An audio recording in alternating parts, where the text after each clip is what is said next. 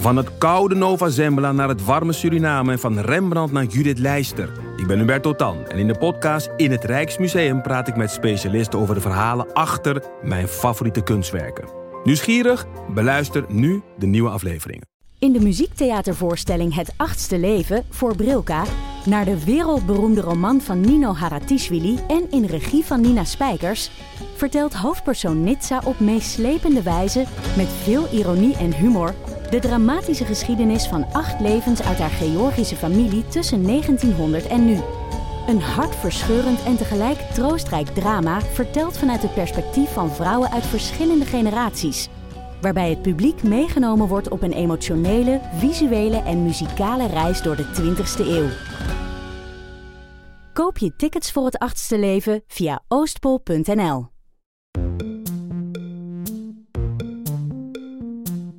Hallo daar, fijn dat je luistert naar Boeken FM.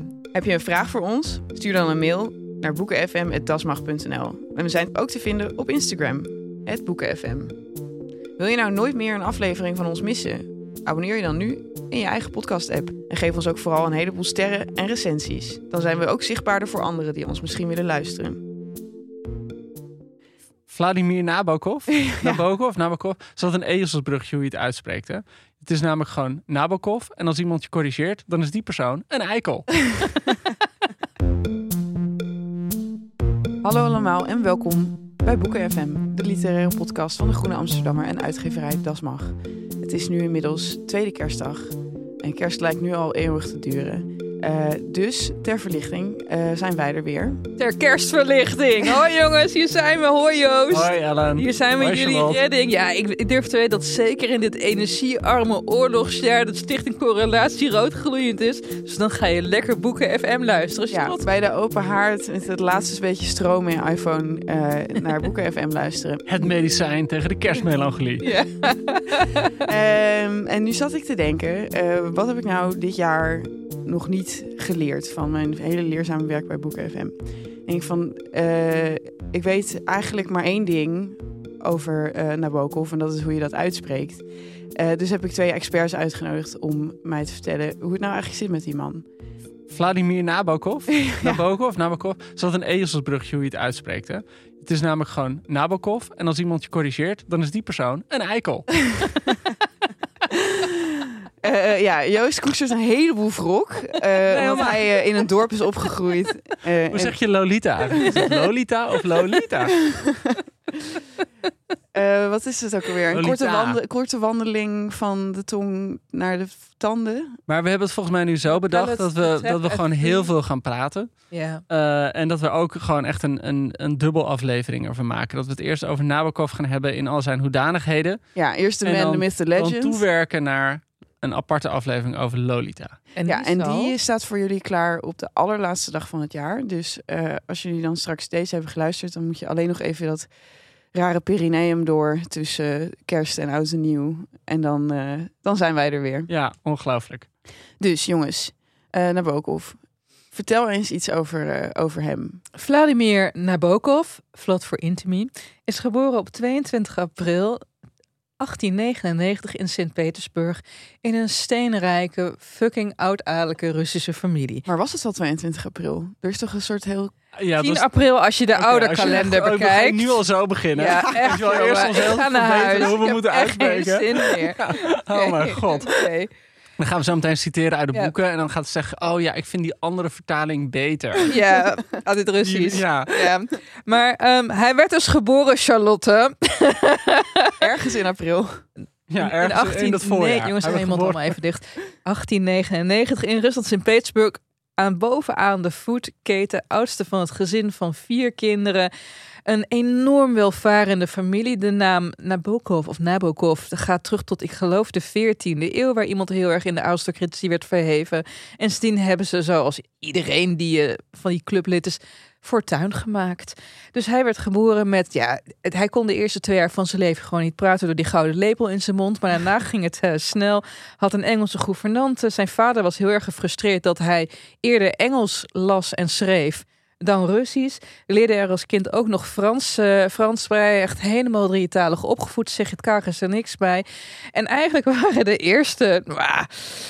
nou, 15 jaar van zijn leven niet zoveel aan de hand. Hij staat bovenaan de voedselpyramide in Rusland. Maar om de een of andere reden was niet iedereen het ermee eens dat de wilde oneerlijk verdeeld was. Echt super belachelijk. Maar toen werd het 1919 en toen waren heel veel mensen boos. 17, 1917. Hij is in 1919 gevlucht met zijn familie. Ja, oké, maar de, de, de revolutie van 1917. Ja, dat klopt. Ja, dat, Ja. dat, dat klopt. Maar ik ging alvast nou goed. Oké, zullen we het even eruit knippen? Ja, oké, dan knip. Oh, ik vind het wel. Dit is wel. Ja. Zijn Ja, jullie oké, wel nee, te goed het uit. Ja, jezus. nee, nee. Oké, goed. Wat, het gaat echt een lang uur worden dit.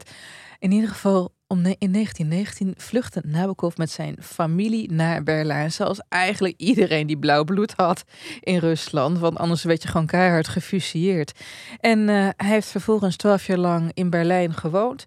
Ehm, er, kwamen, eh, kwamen nog een aantal verdrietige dingen daarbij. Want Joost, daar kan jij iets over vertellen. Op een gegeven moment, toen was Nabokov een, monte twintiger. Maar niet lang meer, want zijn vader werd gedood. Ja, ehm, ja, hij had zo'n vader die, die nou, wat jij al zei, totaal tot die, die aristocratische upperclass behoorde.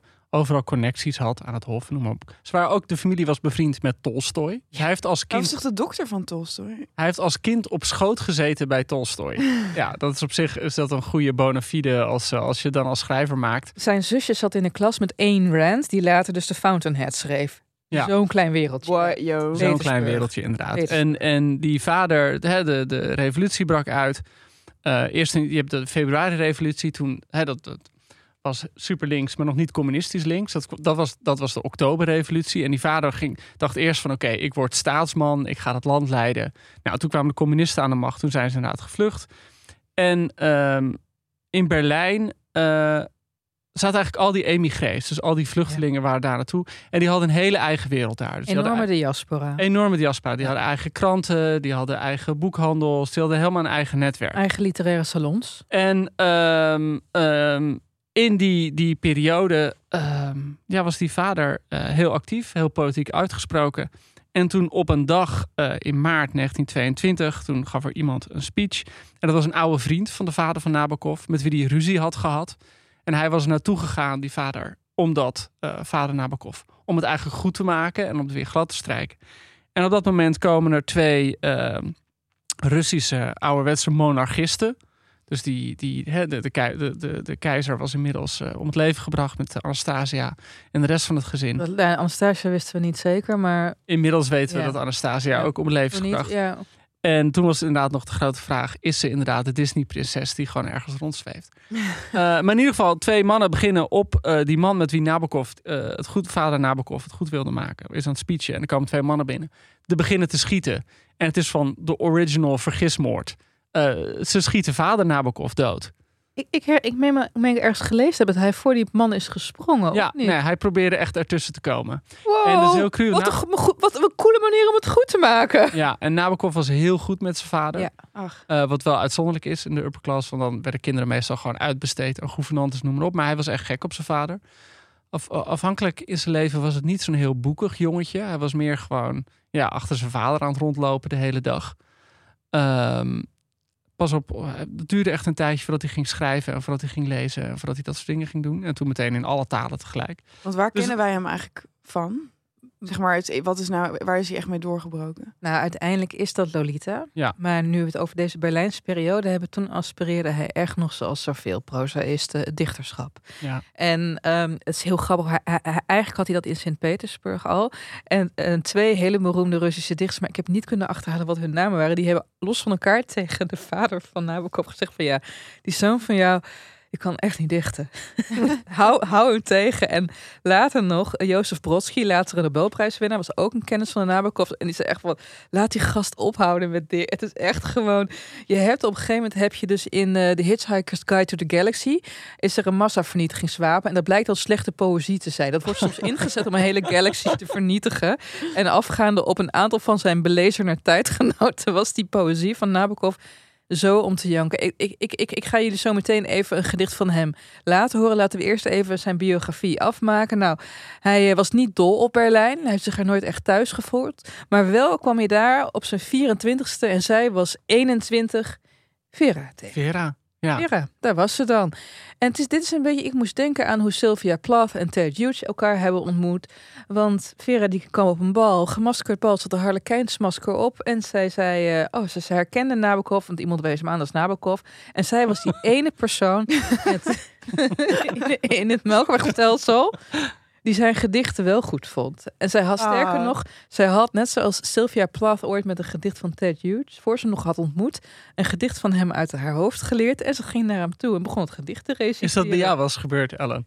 Nee. Oh. Maar Nee. sorry, Oh. ja, jij als man zou je dit bent toch echt gewoon doodeng als iemand naar je toe komt en jouw poëzie gaat Dat opzetten. is toch heel dweepziek en raar? Nou, ik- ik- maar goed, dat was toen je, was het je, allemaal je anders. kan het ook, je kan je ook gehoord vo- voelen. En zeker in het geval van Nabokov, die zou ook wel in de wandelgangen van iedereen hebben meegekregen dat hij totaal niet kon dichten. En dat je dan één heel lief woordblind meisje hebt die ook Ja, nog en hij was daarvoor was hij verloofd met een andere vrouw, Ja. maar die was wat chiquer. En doordat zijn vader was overleden en doordat ze gevlucht waren uit het land, hadden ze, eh, waren ze van ongelooflijke weelde naar best wel grote armoede gegaan.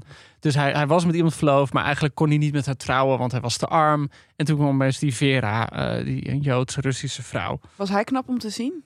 Nee. Nee, nee, ik bedoel, Nee, nee, nee, zijn jongere broer Sergej was knapper. Maar ja, die is dan weer in de Tweede Wereldoorlog in concentratiekampen omgekomen. Ja. Ja. het is echt een... Het levert je toch niks op in het nee, leven? nee, om word je niet aantrekkelijk. Nee, nee, nee, die is de rampspoed achtervolgd. Maar goed, dat was de Sfera. En eh, dat werd eh, de liefde van zijn leven. Er kwam nog af en toe wel eens een affaire tussendoor. Maar deze Vera, die heeft als een bulldog over hem gewaakt. Die vertaalde zijn werk. Die... Die, die eh, vertaalde hem, die, die, die, die notuleerde, die las Ja, mee. Die hij- heeft met haar blote handen op een gegeven moment, dat was een spoiler voor de volgende podcast, het manuscript van Lolita uit het haardvuur gered. Ja, en hij schreef altijd in bad, Nabokov, op briefjes. En zij Ja. typte het dan uit en ging dan naar, bij hem langs. En dan ging ze met hem alle correcties doornemen. Dus, dus eh, Samenwerking. Nabokov kreeg een keer de vraag van... Kunt u, uit, kunt u vertellen hoe groot haar bijdrage op uw werk was? Toen zei hij nee. Waarin hij bedoelde van het is zo groot, dat Ja. kun, je niet, eh, kun je niet uitleggen. Nee, nee, samen kregen zij in 1934 overigens op 11 mei. En dat, is, dat maakt uit, want het was niet in Rusland, het was echt 11 mei. kregen ze een zoon, Dmitri Nabokov, die eh, later onder andere operazanger werd. Maar ook een aantal van zijn gedichten van zijn vader weer Ja. terugvertaalde Ja. naar het Russisch en naar het Engels. Ja, nee, allebei eh, de kanten op Ja. gehaald, inderdaad. Dus ehm, nou, rond negen, toen Nabokov 40, 41 jaar was, zijn ze naar Amerika geëmigreerd, naar New York. Eh, daar heeft hij allerlei baantjes gehad, lesgegeven universiteit. Hij ging, ging ook nog proberen te promoveren. Nou ja, is er, is er Ja. eigenlijk nog een tussenstop dat hij, eh, ze, vluchten, ze vluchten uit Duitsland, Ja. gingen ze weg, want Vera was Joods en daar kwam op een gegeven moment de nazi's aan de macht. Slechte tijd om Jood te zijn. Ja. Toen zijn ze naar Frankrijk gegaan eh, en het is wel grappig als je dan leest waar ze waren. Dan zaten ze altijd in Cap d'Antibes en Cannes en zo. Dat, ik bedoel, daar kon je als schrijver kon je daar nog naartoe en dat betalen.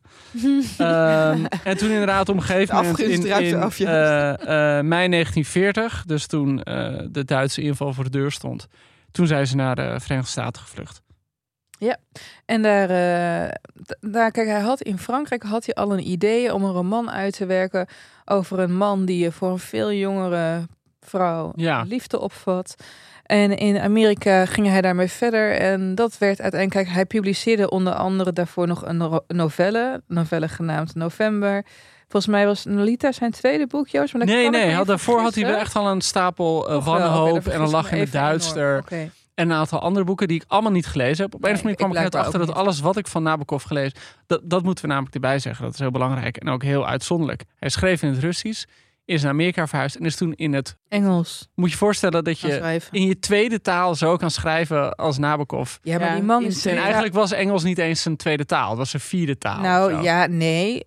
Jo, nou nee, hij had een Engelse gouvernante. Ja, en dat oh ja, maakt ja. mega verschil uit. Want die jongen die heeft, die, die, hij kon eerder Engels lezen en schrijven dan Russisch, hè? Dus dat maakt. Maar hij was wel ontzettend bewust van zijn, vond hij zelf dan gebrekkige uitspraak van het Engels. Dat vond ik heel moeilijk om live geïnterviewd te worden voor op radio. Als je hem stem, ik heb een paar opnames teruggeluisterd, nou dat valt reuze mee. Ik bedoel, eh, die dikke lollen die, eh, die Russen allemaal hebben, nou die hoor je er en eigenlijk niet vanaf. Maar dat verklaart Nee. wel de karikatuur Pnien. Want Ja, nee, Pnin, Pnin is op een bepaalde manier, daar gaan we het zo denk ik over hebben, zo'n spiegel van, van hem en van zijn, van zijn leven. Eh, hij was natuurlijk, hij gaf een college ook op eh, Cornell. En eh daar Cornel, stond ook hij niet de minste Nee, nee, maar hij stond er dus echt bekend omdat hij elk jaar exact hetzelfde college. Want hij op een gegeven moment, zeker nadat Lolita uit was, was hij wereldberoemd. En iedereen wilde van hem college krijgen. Maar Dat was hij- 1955 55 kwam, kwam Frankrijk. Lolita uit. 1957 Amerika, Lolita. Ehm, ja, Lolita is in 55 uitgekomen. Dus toen woonde hij al in Amerika. Ja, maar in Frankrijk is het eerder Oh ja, uitgekomen ja, in ja, Amerika. ja. ja dat, daar Fun gaan we. in Frankrijk werd het gebannen. In Amerika geen probleem. Meteen een New York bestsellerlijst. Ehm, ja, nee, dat, maar daar gaan we denk ik volgende Ja, podcast sorry, over hebben. spoiler. En, eh, maar hij stond er dus wel bekend omdat bij die colleges die hij gaf, ook inderdaad omdat zijn taal eh pratend moeilijk was. Dus hij gaf exact hetzelfde college elk jaar. Hij las het Hij voor. las het gewoon voor en er stond geloof ik ook een fout in. En elk jaar maakte hij ook diezelfde fout gewoon. Dat, dat, dat, dat hield niet op. Dat neemt me heel erg voor hem in. Ja. Maar was hij verder, was het een beminnelijk iemand? Konden mensen het goed met hem vinden? Dat, dat is een mooie vraag. Eh, het was een, een quite a character. Een, hij had een slaapstoornis. Dus hij, Ja. de, de slaap noemde hij de grote reus. Die hij elke keer opnieuw moest zien te overwinnen. Om hij, zeg maar in slaap te komen? Ja. Ach, hij had als hobby, eh, zeg maar, om zijn gedachten leeg te maken, verzon hij schaakproblemen. Ja, ehm, hij had synesthesia, dus dat je bepaalde kleuren ziet bij bepaalde woorden. Of getallen. Eh, ja, ook bij getallen inderdaad ook. En eh, nou, hij schreef altijd in bad, had altijd last van zijn rug. En hij was geobsedeerd door insecten, in het bijzonder motten en vlinders. Vlinders, ja. Dus hij was echt een, een beroemde... Lepdo, lepdoptimeris? Nee? ja, wat lep- is le- lep- ja, dus- Lepidopterist? Lepidopterist? ja. Dus hij, Lepidopterist? hij verzamelde vlinders. En daar wist hij ook alles vanaf. Het is wel iemand dat als hij ergens geïnteresseerd in was, dan was hij ook meteen, zeg maar, de beste in de wereld erin. Ja, maar je, echt gewoon alles schreeuwt gewoon spectrum dit. hè? Ja, alles speelt spectrum. Ja. Er zijn heel veel brieven van hem gemaakt. Een van zijn beste vrienden was Edmund Wilson. Was een, zo'n prominente Amerikaanse criticus met wie hij later weer gebrouilleerd is. Enfin, enfin, het is wel zo iemand die ook heel makkelijk brouilleerde met mensen. En die brieven van elkaar aan hem zijn, die zijn super grappig. Het was echt iemand, en dat zie je ook in zijn boeken, maar dat zie je ook in de brieven die van hem zijn nagebleven en de colleges, die geen saaie zin kon schrijven. Dus alles was gewoon heel grappig. Eh, wat je ook moet voorstellen, je vroeg van was het een bemiddelijk persoon? Het was een ongelooflijke snop. oh Zeker ja? als het op literatuur uitkwam, Fitzgerald was een prutser. Jane Austen, Austen. garbage. Het was gewoon... eh, eh, en, Wat vond hij dan wel goed in godsnaam? volgens Ja, mij Pushkin. alleen Pushkin. en dan vast niet alles. En ook omdat hij een deel had bewerkt. Kijk, maar over, op Jane, Jane Austen is hij later nog teruggekomen. Mansfield Park vond hij toch wel aardig. Ja, wel aardig. En dan maar je, las hij wel? Ja, dan moet je ook erbij zetten, het was uh, in zijn smaak ook een ontzettende seksist. Ja. Dus hij zei van, uh, op een gegeven moment zei hij, geen vrouwelijke vertaler. hij zei, uh, oh my god. in fact I'm against all women writers. They are in another class. Uh, ja, dus het, het was geen, uh, geen vriend van de vrouw. Ik zou zeggen andere tijden, maar hij is pas 50 jaar geleden doodgegaan. Uh, andere tijden. Daar is tegenover dat hij absoluut heel uitgesproken tegen antisemitisme was. Hij, gek genoeg was hij ook heel, of gek genoeg, want zeker voor die tijd, begin jaren 50 in Amerika, was hij heel uitgesproken voor gemengde huwelijken. Dat vond hij heel mooi. Uh, dus, dus in dat, dat, dat benepen jaren 40, jaren 50 academische milieu was hij daar redelijk vooruitstrevend in. Zolang de vrouw maar haar bek hield. Ja, zo, zolang ze maar niet ging schrijven. Mag ze elk dan, kleurtje dan, hebben. Dan, dan, mocht ze elke kleur hebben. Dat was heel, heel, heel coulant van hem. Het schijnt dat hij ook best wel een, een, een pittige docent was. Want op een gegeven moment kwam er een student bij hem voor een literatuurexamen. En volgens mij was het ook deel van een creative writing class die hij gegeven had. En die student die ging zitten. En uh, die student wees uit het raam, er stond een boom. En die student zei, oh wat een mooie boom. En toen zei Nabokov, ja, weet je wat voor boom het is? Zei de student, nee. En toen moest hij weg. Was hij gezakt. Holy fuck. nice. Wat een doodzieke gast. Ja, Ja, nee, dat, dat is gewoon mooi. Vind ik dat hoe dat. Uh, Ja. ja. Dat vind ja ik ook ken wel je mooi. wereld hoor. Maar, en, eh, oké, maar hij was dus ook niet heel erg, hij had niet heel veel eh, rapport met zijn contemporaries. of Nee, zo. nee, nee, nee. En, en hij is volgens mij op een gegeven moment tegen het einde van zijn leven ook naar Zwitserland gegaan. Was helemaal klaar met Europa. Ja, wat- Zijn hele leven lang een banneling. Hè? Dat heeft ook een soort bitterzoetheid wat je in zijn gedichten, in zijn verhalen en in zijn overige werk echt wel zit. Ja. Nou, het grappige is dat. Misschien moet ik gewoon één boek eruit pikken. Ja, eh, we gaan het volgende aflevering over Lolita hebben. En eh, nou, Lolita was natuurlijk een gigantische bestseller. Dus daar, dat veranderde ze ook zijn manier van leven. Dus hij, vanaf dat moment ging ze heel veel heen en weer naar Montreux in Zwitserland. Dat is volgens mij ook overleden. Hadden ze altijd dezelfde kamer in hetzelfde hotel. Ik altijd zo'n heerlijk royaal idee vind. Dat je in een hotel woont. Ja, dat weet je hebben wel, we- ja. zoals, zoals Chanel. Zo, weet je wel. Dat, dat die, eh, Ik zie jou ook wel in die Wes Anderson film rondlopen. Ja, De Grand eh, Budapest ja. Hotel. ja, als, als, die- met als je kneveltje. Als die, als die Piccolo, toch? Eh, maar wat een heel grappig boek is, en dat is wel grappig, want dit boek schreef hij tegelijkertijd met Lolita als Pnin. En als ik één boek zou moeten adviseren aan iemand die nog nooit iets van Nabokov heeft gelezen en vraagt, goh, wat zouden we eens moeten proberen, zou ik Pnin zeggen. En Pnin is allereerst een heel grappig boek. En het is daarnaast een van zijn meer warmere boeken. Want wat je wel moet zeggen bij Nabokov is... Het is echt alsof zijn personages hem iets verkeerd hebben gedaan. het is echt alsof hij een persoonlijke veten met ze uitvecht. dat je als lezer echt echt denkt... uit op de arm je, van... dat je als lezer echt denkt van... jij hebt ze verzonnen. Ze kunnen zich niet ver- verdedigen. Een beetje coulantie alsjeblieft. Nee, Dat vind ik wel leuk aan de verteller in Pnien. Want daar, die is zich hier danig bewust van. En zegt zelfs op een gegeven moment van... nou Ja, als ik degene was die dit verhaal had geschreven... dan had ik Pnien nog meer laten leiden dan hij al doet. En dan had ik zeg maar een nog ongelukkiger toeval laten plaatsvinden. Pnin, Pnin begint zo, als ik het mag voorlezen.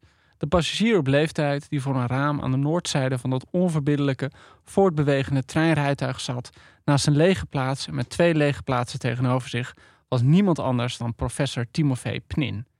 Hij was op een ideale manier kaal, door de zon gebruind en glad geschoren, dus hij begon tamelijk indrukwekkend, met die grote bruine kop, een bril met een schildpadmontuur, die een infantiele afwezigheid van wenkbrauwen maskeerde, een aapachtige bovenlip, een dikke nek en een krachtpassend torso in een vrij krap tweedjasje. Maar hij eindigde nogal teleurstellend, met een paar spillebenen, nu in flanel gestoken en over elkaar geslagen, en voeten die er fragiel, bijna vrouwelijk uitzagen. Deze professor Pnin is in Amerika, het is, zelf een Rus, en hij is onderweg om een lezing te geven. En dan wordt helemaal beschreven hoe hij daar zit in de trein en dat hij op weg is. eh, en dat hij er zin in heeft. En dan gaat de verteller zo verder. Nu is het tijd om een geheim te verklappen. Professor Pnin zat in de verkeerde trein. En dan vervolgens wordt zo heel uitgebreid beschreven waar hij vandaan komt en wat hij gaat doen. En, en wat zijn geschiedenis is. En dan steeds tussendoor. Dit doet alles niets af aan het feit dat Pnin in de verkeerde trein zat. en zo gaat het de hele tijd door. En, ik eh, vind het zo vet dat hij op een gegeven moment zegt van... dat sommige mensen een hekel aan happy ends hebben... en dat hij er zelf één van is. En dan zegt hij dit vette zinnetje, namelijk harm is de norm. Dat, ja. is, dat is wat we leuk vinden aan literatuur. Ja, wel- ik heb het ook al gezegd. Sommige mensen, en daar ben ik er één van, hebben een afschuw van het happy end. We voelen ons bedrogen. De norm is leed. De ondergang mag niet vastlopen. De lawine die een paar meter boven het doodsbange dorp blijft steken, gedraagt zich niet alleen abnormaal, maar ook onbehoorlijk. Als ik over deze zachtmoedige oude heer zou lezen, in plaats van over hem te schrijven, had ik het liefst gewild dat hij bij zijn aankomst in Cremona, dat is de plek waar hij naartoe moet, ontdekt hij dat hij zijn lezing niet alleen deze, niet deze vrijdag, maar pas volgende week zou moeten geven. Eh, Gek genoeg is dat, dat een van de eerste dingen die je altijd bij Nabokov mee hebt. Dat de verteller is eigenlijk gemeen over de personages. Ja. Eh, en wat gek Ja, genoeg even, stop Joost, in de romans. in de romans. Daar, daar- ik kom er zo meteen, hier ga ik hier Oh ja. verder op in. En eh, ik denk dat, dat het grappige is dat eh Pnin is een, eh, en, en wat dat betreft is dat spiegelbeeld met Lolita. De verteller van Lolita is Humbert Humbert. Dat is een, ook een man die heel beschaafd is en zichzelf permanent beter voordoet dan hij is. En eh Pnin schreef tegelijkertijd, dat is iemand die zichzelf de hele tijd slechter voordoet dan hij is. Of slechter voordoet, dat is echt iemand met een ontzettend laag zelfbeeld. Nou ja, en hij komt op iedereen ook over als een soort van stotterende idioot. Terwijl hij eigenlijk heel erudiet Ja, hij is eigenlijk heel erudiet, maar omdat hij Russisch is en in Amerika woont, gaat het heel tijd mis. Dus hij heeft de hele tijd van die uitspraken dat hij twee gezegdes door elkaar heen haalt. En eh, het, het komt er ook op neer dat eh, hij is naar Amerika gegaan omdat zijn ex-vrouw, eh, Lisa, die heeft hem daartoe overtuigd om hem, zodra ze in Amerika waren, te verlaten. en hem aan zijn lot over te laten. En ja, die komt er op een gegeven moment ook nog langs in het boek om hem geld af te troggelen. En hij zit dan echt alleen maar van op, te huilen op zijn bed. Van I have nothing, I have nothing, I have nothing. Eh, en, maar het grappige is, en, en dat is wel bijzonder aan het boek, dat, dat, dat werkt ook heel fijn. Eh, je kijkt naar Pnin. Heel vaak zit zeg maar de camera op hem. Maar je hebt ook allerlei hoofdstukken die vanuit andere personages verteld zijn. En dan zie je ook iets anders. En dan zie je bijvoorbeeld, je hebt een hospita die hem gewoon heel leuk vindt. En of een gastvrouw van een etentje die best wel tegen hem opkijkt. En van, oh, er komt een grote professor. Terwijl hij zich alleen maar een sukkel voelt. Eh, behalve dan één keer dat hij op één etentje is uitgenodigd. Een beetje een chic universiteitsetentje. En dan gaan ze, waar hij zich niet op zijn gemak voelt in al die, die Amerikaanse vrije omgang met elkaar. Totdat ze kroket gaan spelen. En daar dan heel goed in blijkt te zijn, tot zijn eigen verbazing. Dus dan wil hij ook niet meer ophouden met het spel spelen.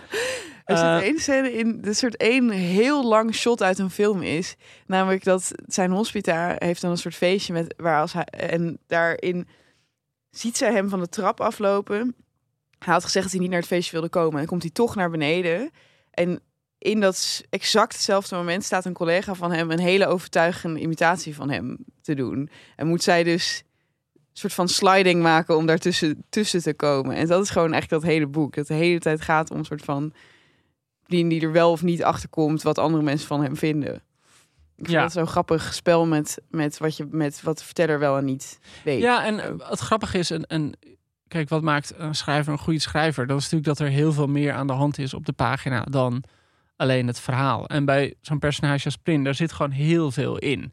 Dus je kan hem zien als het archetype van de verstrooide professor. Maar het is ook bijvoorbeeld iemand wiens eerste grote liefde eh, in de holocaust is omgekomen. Dus dat, dat draagt hij met zich mee. Hij zit met het verraad van zijn vrouw in zijn maag, weet je. En dat, dat wordt niet altijd expliciet gezegd. Maar je merkt gewoon aan alles, dat kleurt hoe hij naar zijn relaties met de mensen met wie hij woont. Want hij woont bij een hospitaal met verschillende bewoners. En oh, hij werkt op de universiteit, hoe daar met collega's omgaat. Het is gewoon een ontzettend gekneusde, beschadigde man.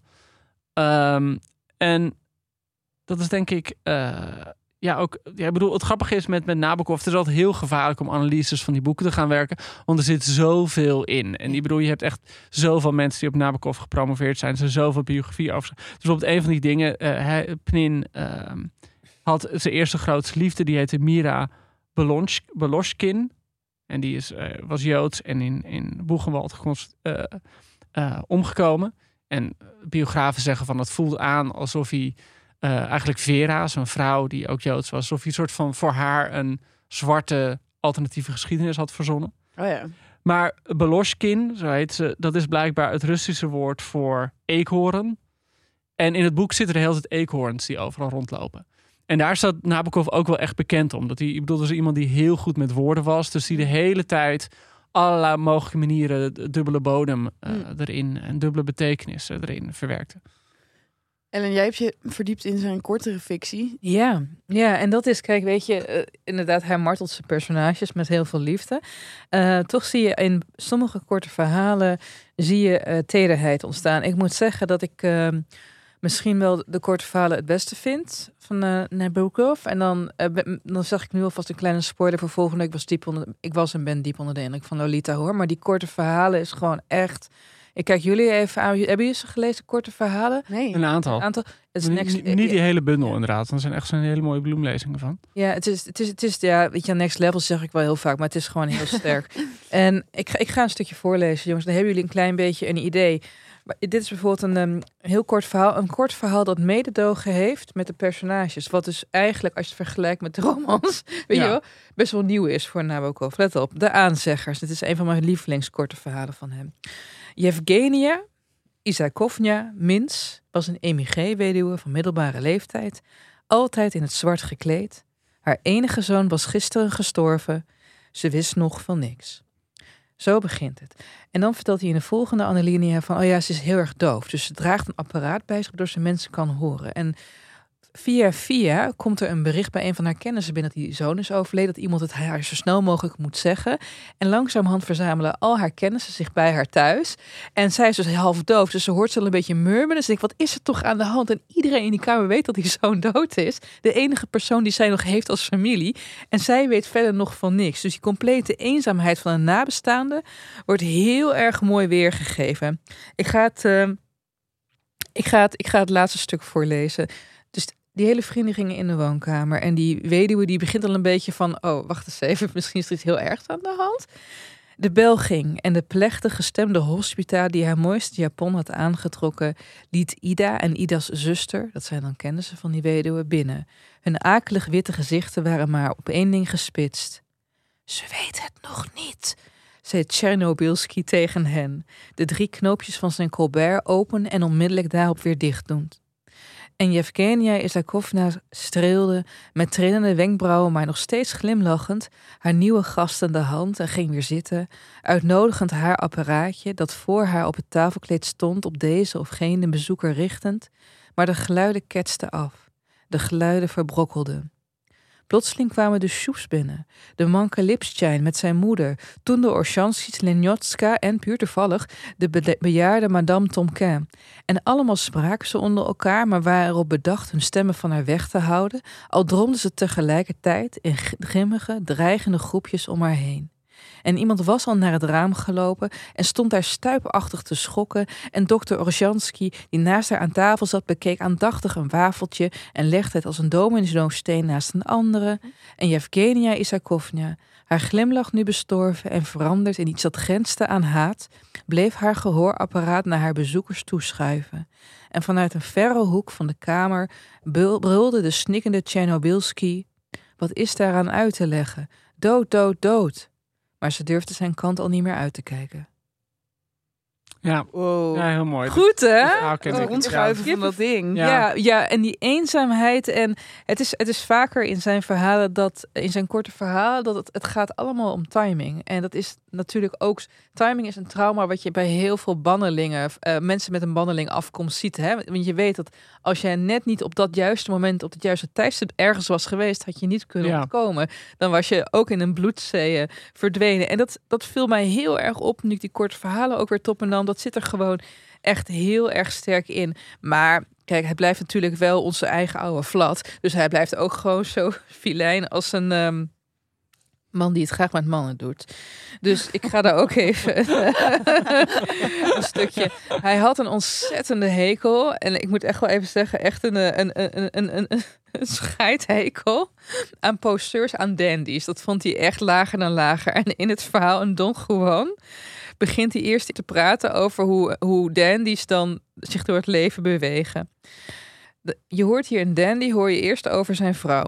Katja is wat je noemt een goede vrouw. Mist elke vorm van hartstocht, kookt verrukkelijk, wast iedere ochtend haar armen tot aan de schouders, is niet al te pinter en dus niet jaloers. Gezien het puikenformaat van haar schoot sta je er verbaasd van dat ze nu al voor de tweede keer een doodgeboren spruit ter wereld heeft gebracht. En dat je echt denkt, wat ben jij een ontzettende lul. en dan verderop begint, dan, dan wordt het dus derde persoon enkelvoud waaruit die, die, die dandy, die smerige vat wordt beschreven. En dan probeert hij indruk te maken op een jonge dame in de trein. Hij trok van onder zijn achterste, dus in de trein, een vierkante opblaaskussen van rubber met gespikkeld satijnen hoes. Daar zat hij altijd op gedurende zijn platte, harde, aanbijverwekkende reizen. En dan biedt hij haar dat dan aan. Dit verhaal gaat als vervolgens zegt ze gaan een nummertje maken in een kamer en dat meisje gaat even eten halen. Ondertussen komt een man die, die klopt die kamer door. Jij wil je tegen dat meisje zeggen dat haar vader op sterven ligt en dat ze zo snel mogelijk moet komen. En dan komt een meisje terug en dan heeft die vat helemaal geen zin om het te zeggen. En dan weet je, dan blijkt ze ook niet zo'n goede smaak te hebben qua boodschappen, dus dan gaat hij weg. Ah, Ja, en weet je, ik heb het nu louter over de inhoud gehad van die korte verhalen. Maar die stijl is, net zoals we later ook nog over zijn gedichten, maar vooral in zijn proza zullen hebben, heel bijzonder. Ik eh, zal nog één kort stukje voorlezen. Dit is echt zo mooi beeldend beschreven. Dit verhaal heette de Leonardo. En dit begint als volgt. En ehm, ik, ik moet zeggen, kijk, je zei net al, Joost, hij had synesthesie. Dus hij zag kleuren bij letters en cijfers. En mensen die synesthesie hebben, 5% van de bevolking ongeveer, dat zijn extreme beelddenkers. En we hadden in onze Madame Bovary aflevering al over dat volgens sommige critici het echt filmisch vertellen begon met Flaubert. Maar hier is een Nabokov. Luistert. De opgecommandeerde voorwerpen verzamelen zich, arriverend vanuit diverse plaatsen. Daarbij hebben sommigen niet alleen afstand van plaats, maar ook van tijd te overbruggen. Welke nomade, kun je je afvragen, is lastiger te dirigeren, deze of gene, die jonge populier bijvoorbeeld, die vroeger hier vlakbij stond, maar al lang geleden is omgehakt, of de speciaal gekozen binnenplaats die nog altijd bestaat, maar ver van hier? Voortmaken nu. Dus daar komt de kleine, eindronde populier, helemaal bespikkeld met aprilgroen en neemt de hen aangewezen plaats in. Naast de hoge bakstenen muur die in zijn geheel uit een andere stad is aangevoerd, er tegenover rijst desolaat een morsig flatgebouw op met miserige balkonnetjes die één voor één als laden worden uitgetrokken. Andere requisieten worden verspreid over de binnenplaats opgesteld, een ton, nog een ton, de tere schaduwen van boomblad, een soort urn en een stenen kruis dat tegen de voet van de muur leunt. Dit is nog maar een schets. Er moet nog veel aan worden toegevoegd en uitgewerkt. Maar kijk, daar betreden al twee mensen van vlees en bloed. Gustav en zijn broer Anton hun piepkleine balkonnetje. Terwijl een kleine handkar voortduwend waarop een koffer en een berg boeken liggen, Romanowski, de nieuwe huurder, de binnenplaats opkomt. Ik weet niet of jullie dat hebben, maar je ziet hier haast al een toneelscène voor je. De, de, Ja. decorstuk wordt op het Ja. podium geflikkerd. Snel, snel, snel. Nou, en wat opvalt denk ik in die boeken, je, bedoelt, je hebt sommige schrijvers die het helemaal niet doen. Maar Nabokov heeft altijd heel veel plezier in het uiterlijk beschrijven van zijn personages. Ja.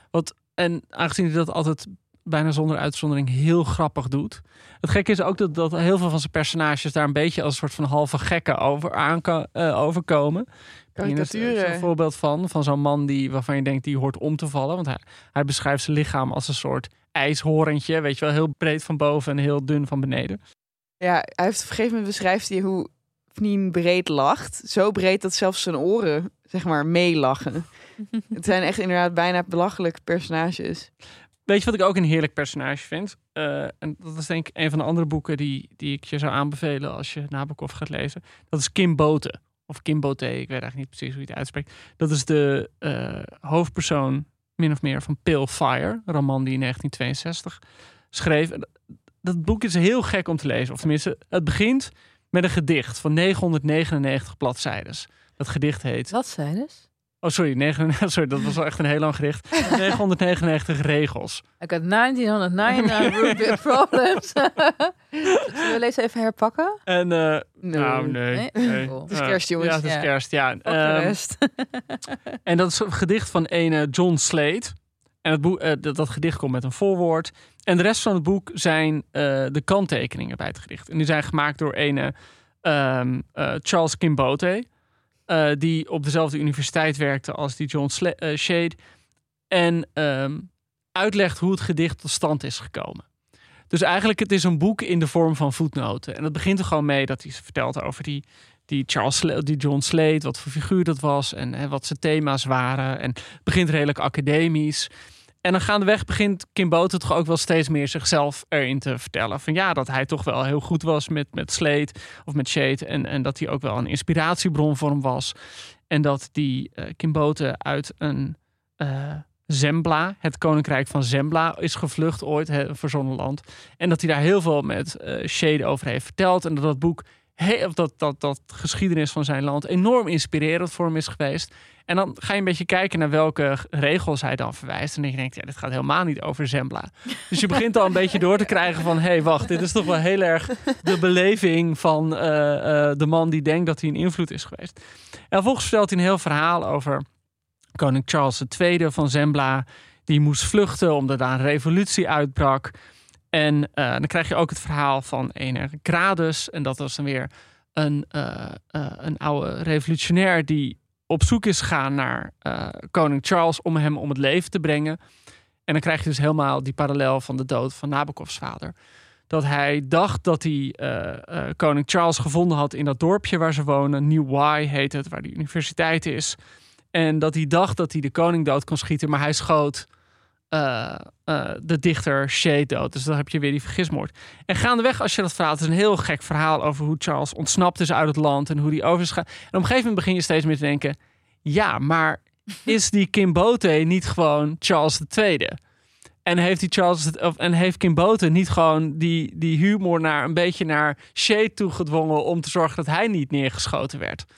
En dan volgens, eh, ik bedoel, dat is dan weer zo'n stadium. Maar als je daar dan weer doorheen bent, kan je denken: maar bestaat dat koninkrijk helemaal wel? Is het niet gewoon allemaal dat hele boek, de totale soort van gekte van, van Kim Boten? Dus, dus eh, en gek genoeg is dat is iets, daar gaan we het ook met Lolita over hebben. Je moet nooit de, de vertellers van Nabokov zomaar vertrouwen. Het zijn ook heel vaak Nee, mensen die zich nee. beter voordoen dan ze zijn. En eigenlijk een soort excuus zoeken voor wat ze niet zijn. En, en ehm, wat volgens mij ook heel erg in het boek zit, zit ook trouwens ook heel erg in Pnin. En volgens mij is dat in andere boeken ook wel heel erg het thema. Het gaat ook heel erg over het verschil van die, die oude wereld, Europa. eh, wat voor hem toch een soort van bakermat van beschaving was en van nette manieren, polites, van keurig aan tafel zitten, je netjes aankleden. Naar die nieuwe wereld van de Verenigde Staten, waarin iedereen elkaar gewoon makker noemt en Plat, lekker ontspannen smakeloos. rondloopt en populaire cultuur leuk vinden en iedereen danst op jazzmuziek. Ik bedoel, we hadden het eerder over of, of Nabokov een snop was of niet.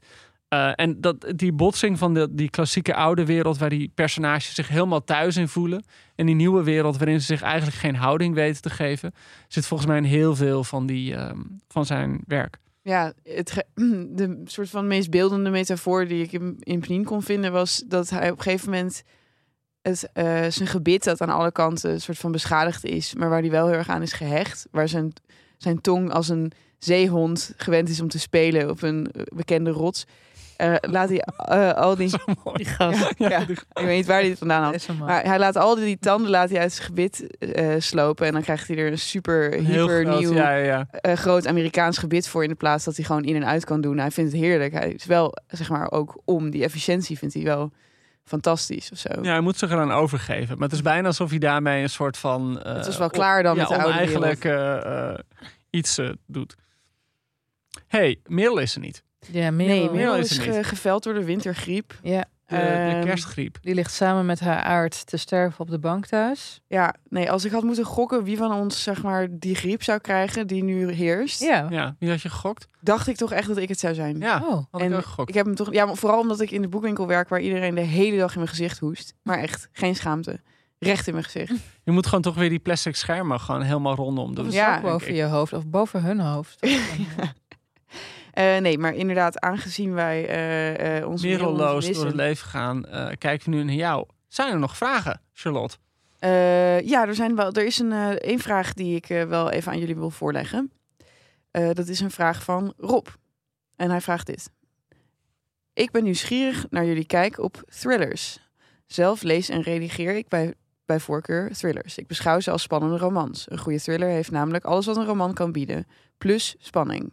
Ik noem onder andere Stephen King's 22, eh 112263. Oh, wacht, hij heeft het in het Nederlands. 221163.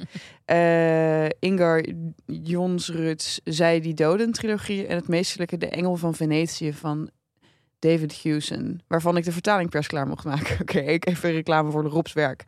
Ehm, Wie zoekt er nog een goede freelancer? Hier is Rob. Hier is Rob. Eh, vooral die laatste titel blies mij omver om er maar zo'n anglicisme tegen aan te gooien.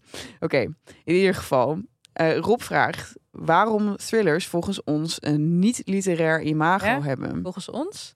Eh, ja, volgens ons drieën, zeg maar. Ik, ik Of, even- of, of, of mis- misschien bedoelt hij de hele maatschappij. Ja, want ik heb, hebben we ooit die meningen... hij zegt, niet, hij zegt uit? volgens jullie. En dat Oh. bedoelt hij toch wel echt ons drieën mee, denk ik. Oh, dus, dus oké. Dus, dus Niet dat wij ooit hebben gezegd op de podcast dat... We hebben nooit maar- echt een thriller podcast. Oh, maar wacht even. Sorry, de interpunctie is anders. Ik ben nieuwsgierig waarom thrillers en dan een streepje volgens jullie. Oh, Streepje. Een is- niet-literair imago hebben. Oftewel, wij hebben dat niet Ja, gezegd. Maar wij moeten het wel duiden. En of jullie het hiermee eens zijn natuurlijk. Zelf denk ik dat thrillers wel eens zouden kunnen helpen het leesplezier bij jongeren aan te wakkeren. En wellicht zelfs hun interesse in poëzie. Zo begint in de laatste Cormoran Strike thriller van Robert Galbraith, ook wel bekend als de Turf J.K. Rowling. Moet je dit nou echt aan mij zeggen? Die arme vrouw. Die arme vrouw. ondergedoken in de landhuis. Eh, Goed, ja, nee, ik heb eh, weinig medelijden. In ieder geval, haar laatste boek, eh, of dat van Robert Galbraith dan, begint ehm, elk hoofdstuk met een vrij gedicht. Dus zou het dan niet ook een soort gateway drug naar poëzie kunnen zijn? Dat vraagt Rob zich af. nou ja. Hi Rob, da- dank je wel voor je vraag.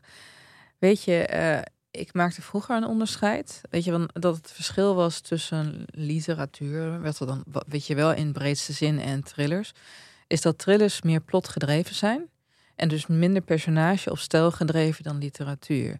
Maar daar is de afgelopen 30 jaar al zo'n verandering in gekomen. Je hebt op een gegeven moment had je de opmars van het zogenaamde literaire thrillergenre. Grappig dat dat adjectief erbij kwam, omdat het impliceert dat een literaire thriller geen pleonasme is, dus dat een thriller automatisch niet ja, dat is denk ik wel wat, dat is denk Ja. ik dat wat hij bedoelt inderdaad. Maar ehm, ja, ik denk dat het inmiddels, kijk, we hebben zo'n, we hebben zulke twintig jaar waar, waar genres ook binnen poëzie, ook, ook, ook, ook, ook binnen fictie en non-fictieboeken door elkaar heen zijn gaan lopen. Ik denk dat je het korter kan zeggen. Je hebt goede boeken en je hebt slechte boeken. Ja, dit is natuurlijk het vriendelijke antwoord of zo. Ja, maar weet je, je kan niet, je kan niet zeggen de thriller. Je kan echt niet zeggen, als ik, als, als ik een boek... eh, Oké, goed, She's a Dear Friend of Mine, maar van Marion Pauw lees, wat ik echt fucking goede schrijver vind. En ik lees vervolgens een thriller van, nou, dat vond ik ook wel goed vroeger. Elizabeth Jordan, ja goed. Maar goed, dus het gaat dus blijkbaar niet om het niveau of zo. Het is gewoon, ik denk dat heel veel genrefictie, dus Ja. dan denk ik aan science fiction Ja, en weet ik Ja. veel, murder mysteries, ja. Ja. thrillers, Fantasy. fantasy. Nou ja, het, het idee is natuurlijk, eh, als om het even vanaf eh, zeg maar de negatieve kant te benaderen, is eh, dat een thriller eh, een genre is en dat genres met bepaalde clichés werken en dat clichés de vijand zijn van echte literatuur. Ja. Dat is denk ik het idee. ja. Ik bedoel, ik heb een tijdje terug heb ik al die boeken gelezen van Bernard Gundry. Wie? Bernie Gundry. Dus hij is net volgens mij vorig jaar of twee jaar geleden overleden. Die heeft een hele serie boeken geschreven over. ehm, oh, niet. Hij heet Philip Kerr. En de hoofd, sorry, Philip Kerr. En de hoofdpersoon heet Bernard Gundry. Oké. En eh, dat is een detective eh, in Nazi-Duitsland. Hij is zelf geen, eh, geen, geen nazi, maar wel een detective. En, maar er staan heel veel van die zinnen in waar je wel moet lachen van... Ilsa, dan komt die kamer binnen en dan staat er een naakte vrouw op hem te wachten. En die zegt dan van, dan zegt hij van... Ilsa was as naked as an assassin's blade. And, and just as deadly. Weet je wel, kijk, dat, dat, kijk, dat zou Nabokov niet schrijven, denk ik. Nee. Maar het grappige is, ik bedoel, ik lees bijvoorbeeld heel graag die, de boeken van, heb ik veel gelezen, van John le Carré. Ja, dat zijn gewoon super literaire werken. En dat zijn boeken die gaan, eh, er zijn weinig boeken die de Engelse maatschappij zo mooi neergeven, die zulke complexe personages hebben, die zo mooi taalgebruik hebben. Ik bedoel, die, die kan je echt gewoon lezen los van het plot. En het idee is denk ik dat als je een boek leest alleen voor het plot, dat het dan niet literair genoeg is. Maar dan gaat het om de leeservaring en niet om het niveau van de tekst of zo. Ja. Dus wat, zou, wat had John le Carré anders moeten doen om niet bestempeld te worden als thrillerschrijver? Nee, maar John le Carré, dat, wordt echt gezien als iemand die de Nobelprijs had kunnen krijgen. Dus dat is niet het juiste voorbeeld. Nee, maar die staat bij ons wel bij thrillers. Ja, wat ik ook echt in boekhandels heel irritant vind. Oké. Je, je, kan, je kan nog een niveau, nog een niveau hoger op gaan zitten hoe je dit gaat bekijken. Literatuur is een kwaliteitskeurmerk. Klopt het als je een Ja. iets literair noemt als uitgever dat het automatisch literatuur is? Nee, natuurlijk Ja. niet. Maar het is een verkoopmechanisme. Net zoals dat iets thriller noemen tegenwoordig een veel beter verkoopmechanisme is als dan dat je iets. eh Ja, een maar wat, postmoderne zin, zin- zinstocht naar het dierlijk in de mens. en wat ik wel grappig vind, is dat je ook eh, volgens mij vaak genoeg hebt dat zeg maar schrijvers van literaire werken dan denken: oké, nou, ik ga ook een keer een thriller schrijven. Ja. En dat, dat je dan echt merkt dat het een andere tak van sport is. Ja. Het is alsof je zeg maar Wimbledon heeft gewo- hebt gewonnen en denkt van oké, ik ga nu pingpongen en dan Ja. pak ik ook wel een gouden medaille. Nee, zo werkt het gewoon niet. Nee. Dus, dus er zijn wel voorbeelden van mensen die, die heel mooi die kruisbestuiving hebben hoor. Maar dat, dat- je, moet er, je moet niet op. Je moet zeker denk ik niet als schrijver van literatuur denken van oh, dat genre kan ik ook wel even beoefenen. Nee, dus, we het echt niet. dus we betreuren in ieder geval niet die segregatie tussen deze twee categorieën. Nee, nee, ik niet in ieder geval. Maar weet je, het is natuurlijk wel zo. Kijk, ik, ken een aantal thrillerschrijvers goed. Ik bedoel, Saskia Noord ken ik goed, Marion Pauw heel goed. Eh, af en toe heb ik etentjes met René Appel natuurlijk ook al doorgewinterd. Zo'n leuke man Ja. is dat. Hij was vroeger scheidsrechter. Hij floot de wedstrijden waar Daniel van der Meer van dat mag. En, ehm, Nice. en Daan Herman van Vos mee voetbalde. Klein wereldje. Goed, some of my best friends are thrillerschrijvers. En ehm, die zijn belezener dan bijna al mijn literair schrijvende vrienden. Ja, maar en toch, en toch klinkt literair inderdaad als een waardeoordeel. Het is wel, ik snap is- wat Rob zegt. Ja. Ja. maar ik denk dat Ellen en ik ook wel, en jij ook, en ik denk de meeste van je collega's ook wel, naar de, naar de, de kasten literatuur zouden kunnen gaan en dan de boeken eruit vissen die we niet literair genoeg vinden. Ja, oh, absoluut. bedoel, dat, dat, Maar hoeveel is reputatie en hoeveel is nee, kwaliteit? tuurlijk, ja, dat, dat is mee. Dat is altijd gewoon zo'n raar. En dan kom Oh, je op bedoel, wat betekent Ik weet literair. niet hoe Ja. dat voor jullie is, maar ik word eens in zoveel tijd via social media dan benaderd door van, hoi, wij zijn Vlinder en Max en wij moeten ons profielwerkstuk maken. Eh, misschien wilt u ons helpen. En dan krijg je gewoon zoveel vragen dat je denkt: volgens mij ben ik nu jullie profielwerkstuk aan het maken. En dan krijg je altijd zo'n vraag: wat is literatuur? En het punt is natuurlijk, daar is geen antwoord op. Ja. Eh, want, want voor elke uitzondering die ik. Het is altijd het idee van, nou jongens, show, don't tell. Maar ja, je kan honderd voorbeelden geven. Coetzee, Grunberg, tel, tel, tel. En het werkt gewoon. Dus op elke uitzondering, of elke regel zijn zoveel uitzonderingen te bedenken. Dat het gewoon een onmogelijk genre is of een onmogelijke eh, kwaliteitskeurmerk om in regels te vatten. En het is ook veel, het is veel minder verzeld dan vroeger. Ja. Dat, eh, dat weet je, je moet gewoon gaan lezen waar je zin in hebt. Weet je, Ja, dat is denk ik echt Ja, het lees allerbelangrijkste. die eerste alinea Ja. en kijk of je door wil lezen. Ik heb het zelfs een keer gehad. Mijn oudere zus, die las altijd van die Harlequin romannetjes. Ja. En op een gegeven moment was er eentje, die heet Spionnen van de Nacht. En dat begint dan, de ja, Nacht. fantastisch. Maar, maar dat begint dan als volgt. Eh nou, noem eens even een middeleeuwse aandoende naam. eh Hardewijk. Hildegard. ja, nee, nee, dat, Hildegard. dat vind ik meer een beetje non-achtig. Oké, ja. eh, vrouwen, nee, let op hè. Vrouwen Isabella knielde voor de, voor, tijdens de mis voor het altaar. En van opzij zag zij een dappere ridder ook knielen. Maar ter hoogte van zijn lendenen puilde iets enorms uit. Als zij, niet, als zij niet de onschuldige maagd was geweest waar ze zich voor uitgaf, dan wist ze wel zeker wat hier aan de hand was. Deze man droeg een wapen. Fantastisch toch? Ik heb het boekje nog steeds bewaard. Ja, Dat lees je af en toe met het rode oortje. Nee, daar heb ik YouPorn voor. nou ja. Nou, in ieder geval, Rob, ik vond het een super interessante vraag. En ik denk dat jij hebt gewoon al besloten dat thrillers voor jou niet, niet literair zijn. En dat is toch alles wat je nodig hebt, of zo? Ja, maar ik denk dat je ook als je heel veel thrillers leest, dan ontdek je ook wel dat er gewoon hele goede thrillerschrijvers zijn en niet originele thrillerschrijvers zijn. Zoals je dat met fictie en met elke andere vorm Ja. van takken ook hebt. Nou ja, ik begeleid nu een thriller als freelance redacteur, want ik heb eh, tijd over of zoiets. Echt waar? Heb je Ja. tijd over? Ja. Wat? Ja. Weet je dan meestal te verbergen? Ja, ja, ja, I know, I know. Maar het is heel leuk om te denken, om mee te, om mee te denken. Kijk, deze specifieke schrijver.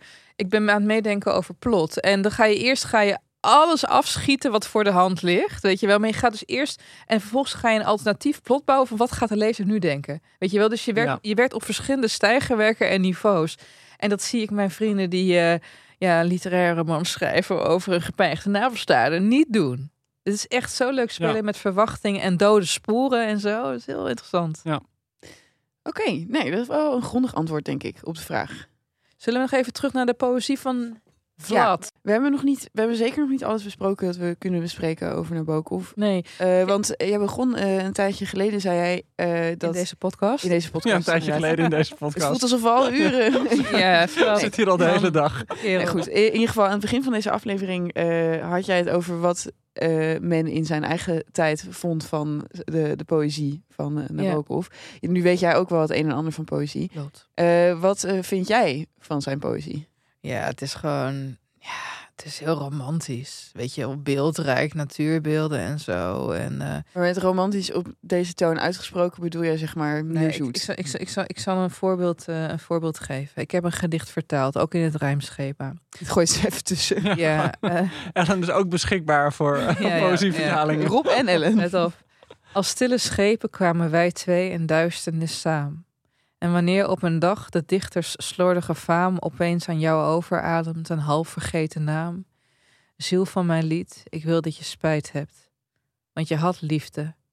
Uit mijn leven scheurde een glanzende pagina. En ik wil, als we dan moeten scheiden, dat de herinnering bleek natrilt in je hart. Als maan beschenen schuim op een winderig strand. Het heeft wel op zich. Het heeft wel wat, maar eh Behoorlijke zelfmedelijden heeft het ook. Ja, maar- poëziealbum wel. Ja, maar de scherpte die je in zijn brieven en zijn korte verhalen, in de scherpte die hij als docent, oh fun fact, hebben we het niet eens genoemd. Hij heeft dus ook nog les gegeven aan Ruth Bader Ginsburg en aan Thomas RBG. Pynchon. Ja, en Thomas Pynchon ook. Ook Oh, Thomas grappig. Pynchon, ja grappig. Ja, Thomas Dat Pynchon, de beroemde cultschrijver. Ja, En Ruth Bader Ginsburg, de opperrechter. ja, die iets te Oh, vroeg dood ging. Ja, Ja, ja, godverdomme. drie ja, weken of zo, net vroeg dood. Ehm, kijk, ehm, een beetje, eh, ik denk dat eh, hij, hij beschouwde zich eigenlijk als een dichter. En ja, weet je, heel veel mensen die, ja, ik, dat gaat een beetje lullig klinken, maar hij, hij blinkt in andere aspecten van de, van de literatuur uit. Maar voor mij niet in poëzie. Ik moet wel zeggen dat eh verzamelde gedichten, dat zijn volgens mij nu uitverkocht, maar heel goed vertaald door Hugh Burnskens. Als je dit gedicht leuk vond, zou ik het toch even tweedehands proberen op de kop te tikken. Maar ja, mij pakt het niet echt helemaal, omdat het allemaal stijloefeningen zijn die ik al eerder gezien en gedaan eh, vond. Dus dat vind ik eh, jammer. Ja. En weet je wat is die man? Kijk, poëzie is, is soms ook een genre waar luie meesterstilisten soms hun toewending tot nemen als ze even geen idee hebben voor Grappig. een plot. Ja, dat, dat geloof ik meteen eigenlijk. En Nabokov kijk, de stijl van Nabokov zit al zo dicht tegen poëzie aan. Ja. In de zin dat het, Allitereert. ja, het is zo zeldzaam poëtisch en zo vol, ja, niet eens metaforen, maar ik bedoel, ja, en metaforen, maar ik Het bedoel, is het zo is, beeldend. het is zo ongelooflijk beeldend hoe die schrijft. Het, bedoel, het is echt een, kat, een schrijver in de categorie, mag het iets meer zijn? Ja, het mag iets meer ja, zijn. Ja, wat je niet En vaak eh, hebt. wat het gek is ook wel soms, eh, kijk, we, we noemden al eerder Pnin en Bill Fire. Die moet je denk ik lezen als je Nabokov wil lezen. En zijn memoires zijn ook heel beroemd Ja, en heel heel, beroemd. populair, heel mooi. Spreekgeheugen, ja, heel mooi. Maar dan schrijft hij op zo'n literaire manier over zichzelf... dat je bijna niet meer voelt dat het over hemzelf gaat. Het is zo gestileerd eh, dat, dat je... Ja, ik bedoel, gek genoeg was hij daar zelf ook wel laconiek over. Hoor. Dat hij zei van ja, op het moment dat je het... het, het- ik, ik haal mijn jeugdherinneringen op. Dat is al heel lang geleden. Dus ik voel die pijn niet meer. Op maken er kunst van maak, neem ik er nog weer verder afstand van. Maar het is, het is al zoveel kunst. Dat ik, ik geloof je meteen dit- dat je, dat je dan als meesterstilist denkt van... oh, weet je wat, ik heb, ik heb nog wel wat metaforen liggen. En die bouw ik samen tot Ja. gedichtjes. Want, want weet je, de fun fact, de meeste schrijvers heb jij waarschijnlijk wel, dat je ook nog een, een, een oud laadje hebt zitten met briljante zinnen die je gewoon niet in ja, een met, ja, zo. ja. Ik had ooit, misschien heb ik het wel eens eerder in deze podcast verteld, maar met Lieke Marsman had ik het hier over. En we hadden op een gegeven moment het plan dat we een soort van dan een soort eh, adoptieproject zouden opstellen. Dat we dan gewoon aan dichters diverse ver- zinnen die maar niet in ons eigen werk terecht zouden komen, cadeau doen aan elkaar om te kijken of iemand anders er wel iets omheen kan bouwen. En om terug te komen op die gedicht van Nabokov. Ik heb het soms het gevoel dat hij dan gewoon die mooie restjes of de, de darlings die, die hij uit proza of memoire heeft geschrapt, toch maar even bij elkaar. Weet je, en dit is een aanname, dus ik weet niet of ik straks word getroffen door de bliksem van Nabokov uit de hemel. ja je het is hebt, een aanname. Ik denk, weet je, ja, ik kan het me zo goed voorstellen. En zijn poëzie is het minst indrukwekkende van zijn schrijven. Ja, dat, wa- wat overigens niks zegt. Want ik ken nog heel wat dichters die alleen maar dichters zijn, die nog veel beroerder schrijven dan. dan we noemen geen namen, Ja, nee, maar jullie ja. weten wie je zijn. Nee, nee, nee, nee, ja. Ehm, maar weet je, kijk, la- laten we deze, maar laten we het eigenlijk besluiten. Als je Nabokov zegt, dan zeg je, vind ik, vooral stijl, stijl en nog eens stijl. Ja. En beelden en beelden en beelden. En ehm, hij komt uit de atheïstisch nest. Hij heeft ontzettend veel desillusies gehad Ja. in zijn leven. Dat begon natuurlijk al met het verlies van zijn vaderland en daarna van zijn vader. En eigenlijk daarna je hele leven een wandeling te zijn. En er is een heel mooi eh, citaat, heb ik ook even verteld, ehm, waarin hij op een gegeven moment zijn blik op het leven en eigenlijk eh, daar kan je daar ook zijn blik op de kunst uit afleiden. Hij zegt op een gegeven moment dit: de wieg schommelt boven een ravijn. Het gezond verstand vertelt ons dat ons bestaan slechts een barst van licht is tussen twee eeuwigheden van duisternis. is trouwens ook grappig, hè? Als, als emigré, dat je tussen twee verschillende eenheden, eenheden in zit. Dat is sowieso al heel erg interessant hierin. Maar ook, ik heb het idee, en dat komt ook tegen het einde van Lolita, waar we het de volgende keer over gaan hebben terug, dat kunst eigenlijk ja, het suikerlaagje is dat de boel houdbaar maakt.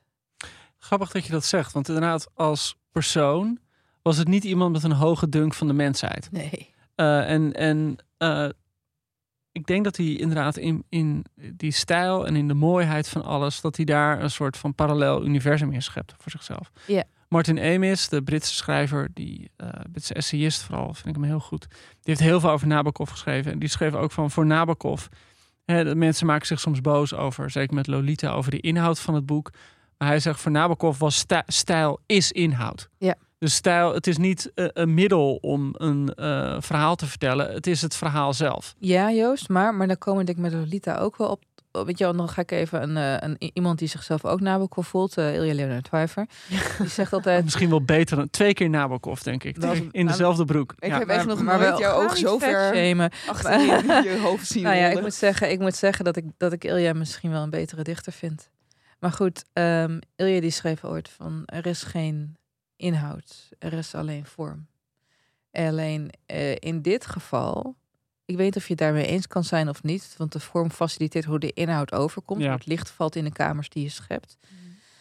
Maar in het geval van Nabokov lijkt het soms ook een ontsnappingsroute. En waarvan, daar zullen we denk ik wel in onze bespreking van Lolita verder op ingaan. Vind ik een prachtige cliffhanger. Toch? Jongens, tot over een paar dagen. Ja, eh, we zien jullie terug op 31 december. Eh, geniet nog even van tweede kerstdag.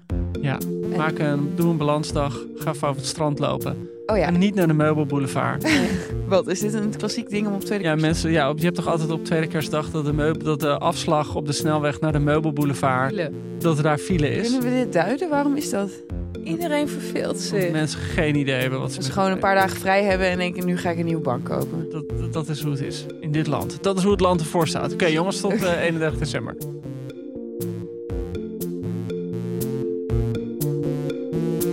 Nog even over die grootse en epische muziektheatervoorstelling. Het achtste leven voor Brilka is een marathonvoorstelling van 5 uur. Koop je tickets voor deze bijzondere theateravond via oostpol.nl.